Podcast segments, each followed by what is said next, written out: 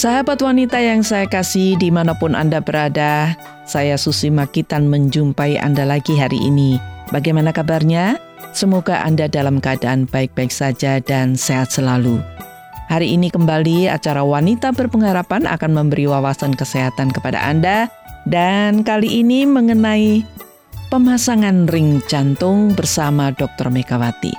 Dan setelah itu saya mengajak Anda bersama-sama merenungkan sebuah topik rohani berjudul Belajar Rendah Hati. Baiklah, kita mulai bagian pertama bersama Dr. Megawati dan selamat mengikuti.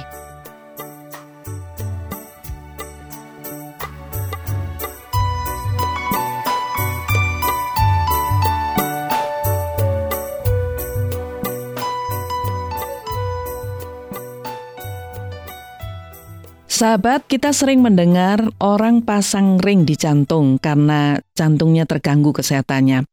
Tetapi kita tidak bisa membayangkan seperti apa ringnya dan bagaimana cara kerja ring itu dalam membantu fungsi jantung berjalan dengan baik. Nah, hari ini saya akan berbincang-bincang dengan Dr. Megawati mengenai pemasangan ring pada jantung. Apa manfaatnya dan bagaimana cara kerjanya. Dan saat ini Dokter Megawati sudah bersama saya. Apa kabar dok hari ini?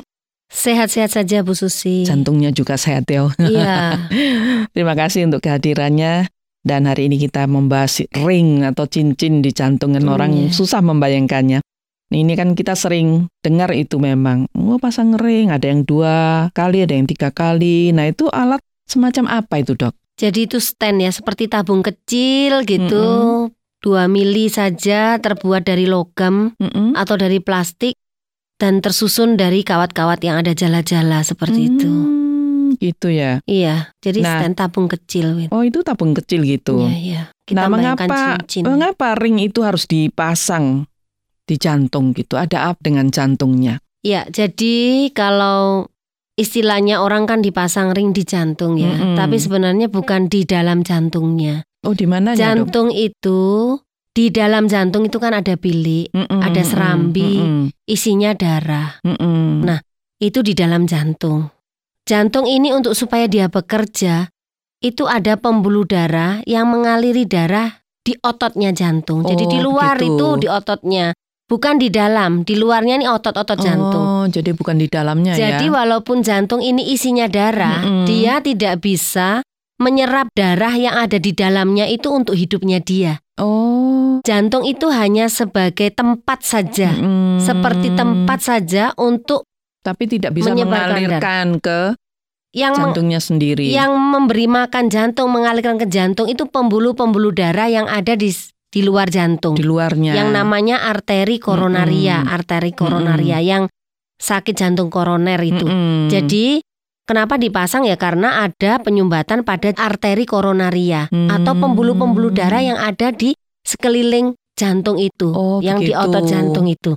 Jadi Pasangnya ada penyempitan di situ, di situ bisa hmm. akibat plak, akibat hmm. kolesterol atau zat lain sehingga pembuluh-pembuluh darah yang mengaliri jantung mm -hmm. ini tertutup. Oh. Nah, karena tertutup itu jadi dipasang cincin, cincin supaya terbuka. Oh, gitu. Iya. Itu ya. Kalau mm. tertutup kan berarti jantung, bagian jantung itu mm. tidak menerima aliran darah. Mm -mm. Aliran darah isinya kan zat makanan mm -mm. dan oksigen. Mm -mm. Akibatnya mati. Oh. Daerah situ. Mm -mm. Itu mencegah mati. Mm -mm. Dibuka dengan stand. Mm -mm atau ring ini ring sehingga itu. aliran hmm. darah bisa jalan lagi. Oh, jadi untuk membantu aliran darah supaya dia bisa lancar lagi gitu ya dok iya, ya? yang hmm. yang mengairi jantung ya, atau arteri koronaria. Jantung, Makanya ya. namanya hmm. penyakitnya jantung koroner, koroner kan? Itu. Iya.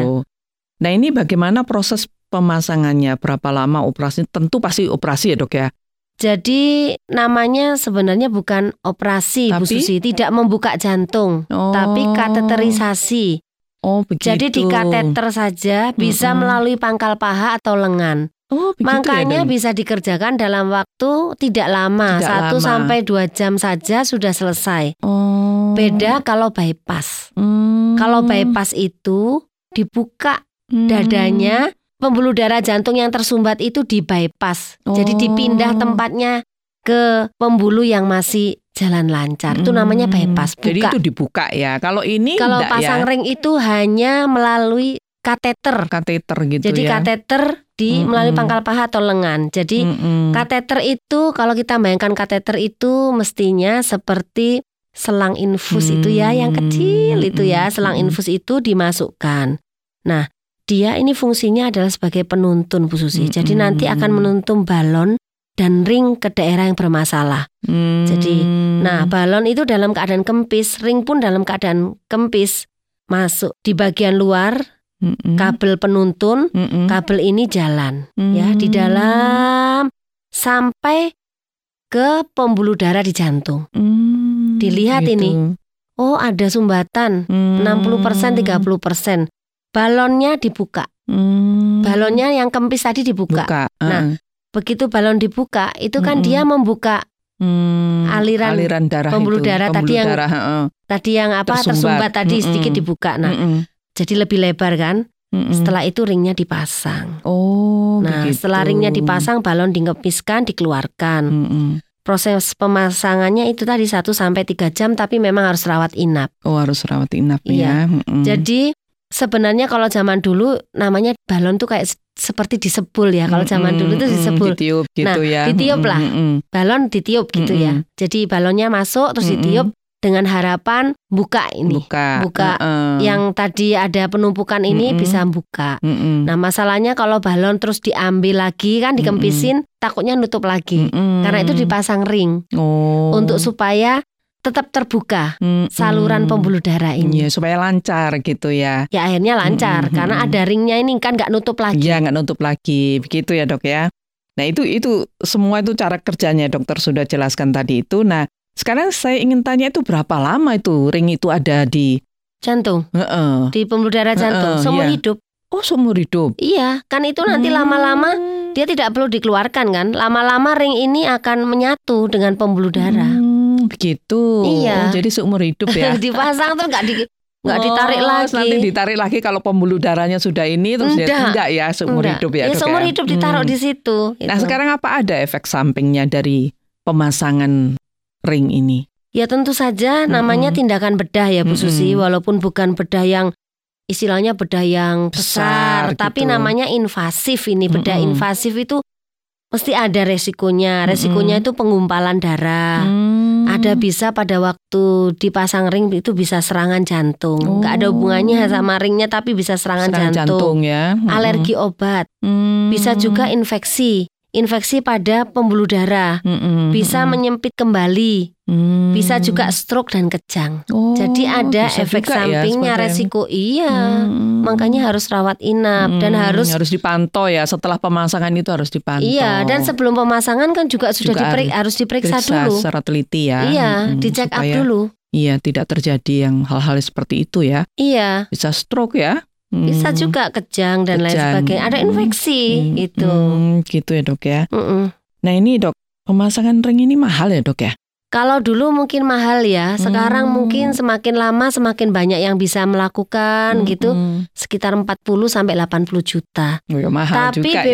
BPJS kalau Ini, yang punya masuk ini. BPJS bisa pasang ring, Hmm. bahkan langsung dua loh. Oh begitu ya? Iya, dengan BPJS Ah. begitu murah bisa pasang ring. Oh begitu. Jadi mestinya seluruh rakyat Mm-mm. Indonesia harus ikut BPJS. ini supaya sehat ya. Jaga-jaga. Nggak nggak banyak keluarin duit ya dok ya. Iya. Baik dok, terima kasih untuk informasinya yang sangat penting ini dan semoga berguna bagi pendengar kita. Sampai jumpa di program berikutnya ya dok ya. Ya, sampai jumpa Bu Susi.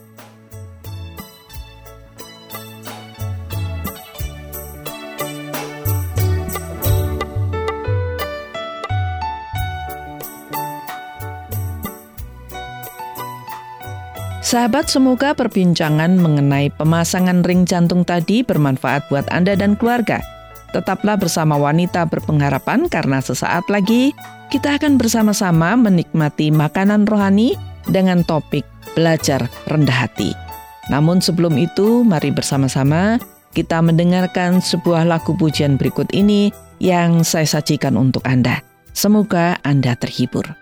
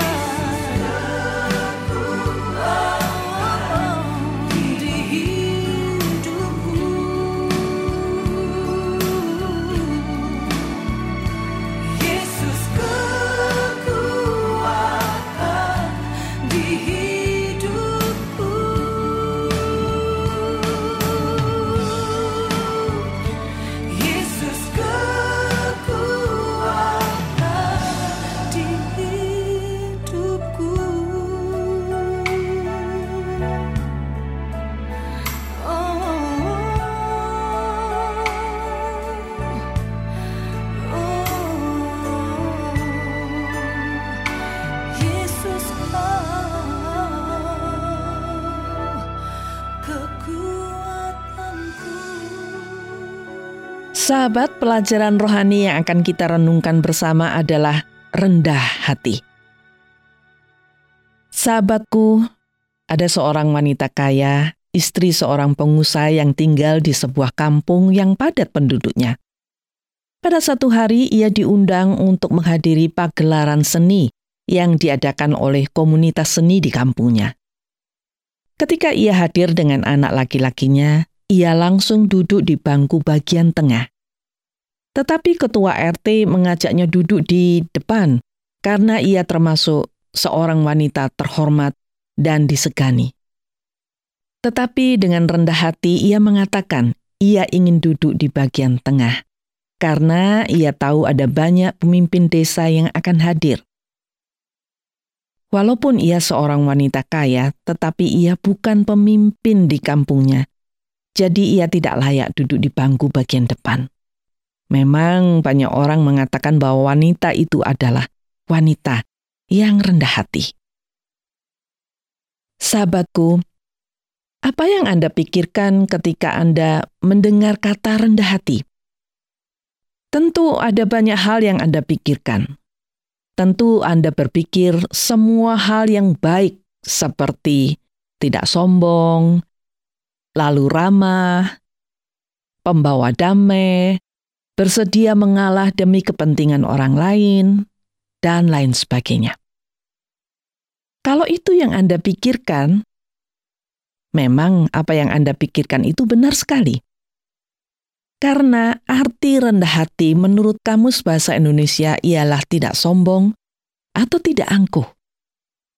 Jadi seorang yang rendah hati tentu akan memancarkan segala yang baik karena ada yang mengatakan bahwa kerendahan hati adalah ibu dari segala perbuatan baik.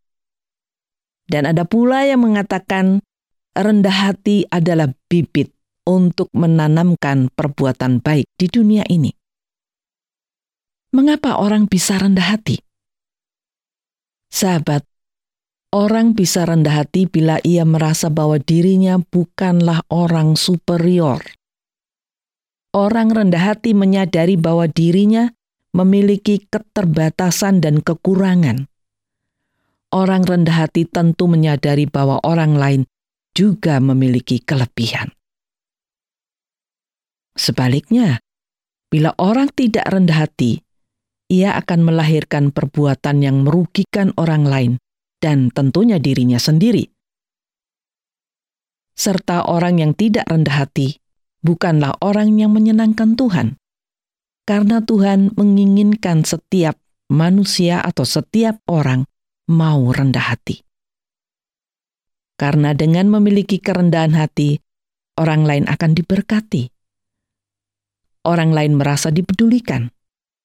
Dan orang lain merasa dihargai dan dikasihi.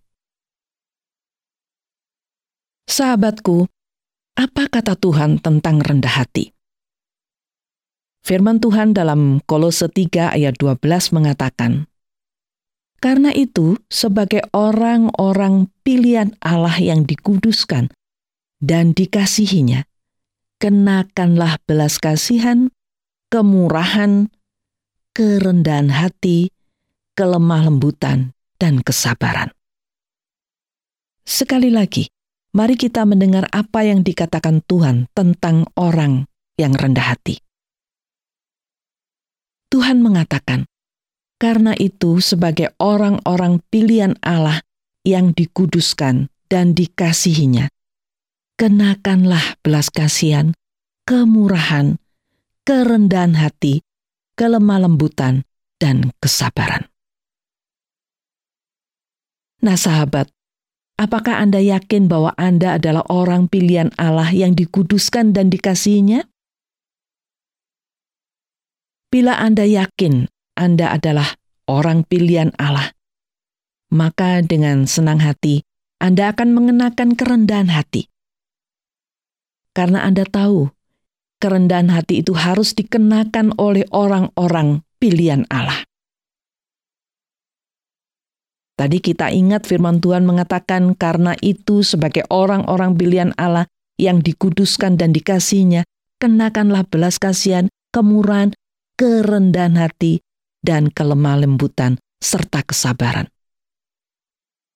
Bagaimana bila Anda sudah yakin bahwa Anda dipilih dan dikasihi, tetapi Anda tidak memiliki kerendahan hati? Malah Anda menjadi orang yang sangat tinggi hati. Bila ini yang terjadi, segeralah datang kepada Tuhan. Mohonlah Tuhan menolong Anda untuk menjadi orang yang rendah hati. Bulatkan tekad untuk berhenti menjadi orang sombong dan tinggi hati, agar memudahkan Anda segera menjadi orang rendah hati.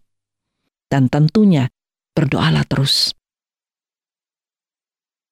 Bila sahabat merasa bahwa Anda bukan orang pilihan Allah, sebaiknya Anda buang pikiran itu. Dan percayalah serta yakinlah bahwa Anda juga orang yang dipilih dan dikasihi oleh Allah. Yakinlah bahwa Allah mengasihi Anda dengan kasih yang kekal. Bila Anda meyakini ini, tentu Anda akan dengan senang hati mengamalkan sikap kerendahan hati Anda. Kerendahan hati tidak terjadi secara otomatis, tetapi dimulai dengan belajar dan berlatih. Belajar dan belajar terus menjadi orang rendah hati akan mewujudkan impian kita untuk sungguh-sungguh menjadi orang rendah hati. Kita bisa belajar rendah hati dari teladan yang diberikan oleh Tuhan Yesus sendiri. Walaupun Ia adalah Allah, tetapi Ia rela menjadi manusia yang direndahkan, dihina, dan disiksa serta dibunuh demi keselamatan umat manusia. Tuhan Yesus tidak pernah menyombongkan dirinya sebagai anak Allah, tetapi ia benar-benar rela rendah hati mati di kayu salib dan menebus dosa umat manusia, termasuk Anda dan saya. Menjadi rendah hati memang tidak mudah, dan seolah kita tidak mendapatkan apa-apa kecuali kepentingan orang lain. Tetapi kerendahan hati merupakan ketaatan kita melakukan perintah Tuhan yang memilih mengasihi kita. Sahabat, saya akan menutup renungan ini dengan membacakan tulisan Amsal Salomo mengenai kerendahan hati. Semoga perkataan Salomo ini mendorong kita untuk tetap belajar dan berjuang menjadi orang rendah hati. Amsal Salomo mengatakan, Takut akan Tuhan adalah didikan yang mendatangkan hikmat, dan kerendahan hati mendatangkan kehormatan.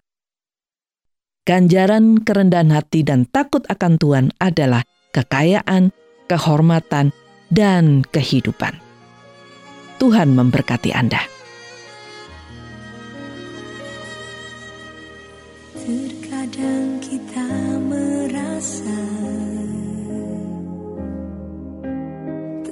ada jalan terbuka Tak ada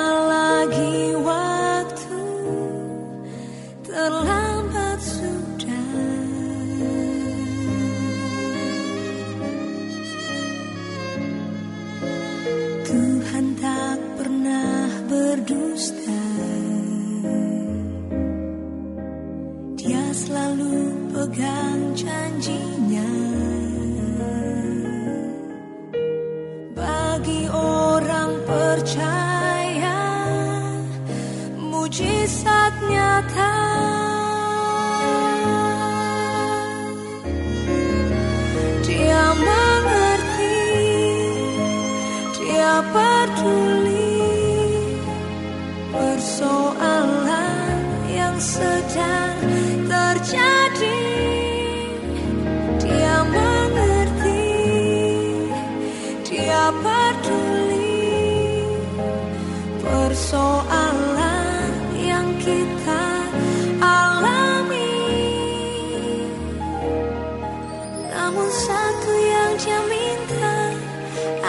kita percaya.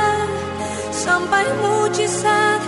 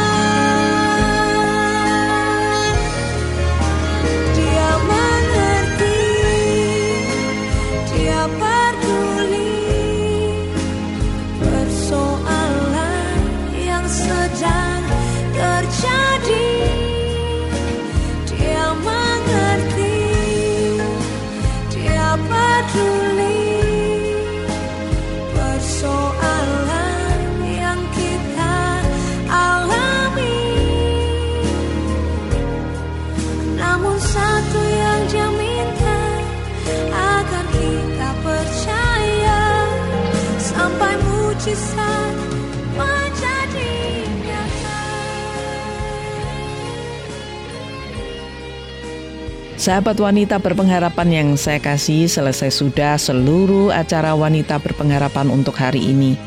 Harapan saya seluruh sajian kami bermanfaat buat Anda. Dan bila Anda ingin menanggapi acara ini atau ingin membagikan pengalaman hidup Anda, langsung saja hubungi wanita berpengharapan melalui SMS atau WA ke nomor 081 333 777 Saya ulangi lagi nomornya yang bisa Anda hubungi melalui WA atau SMS adalah 081 333 777 386. Saya Susimon pamit dan sampai jumpa.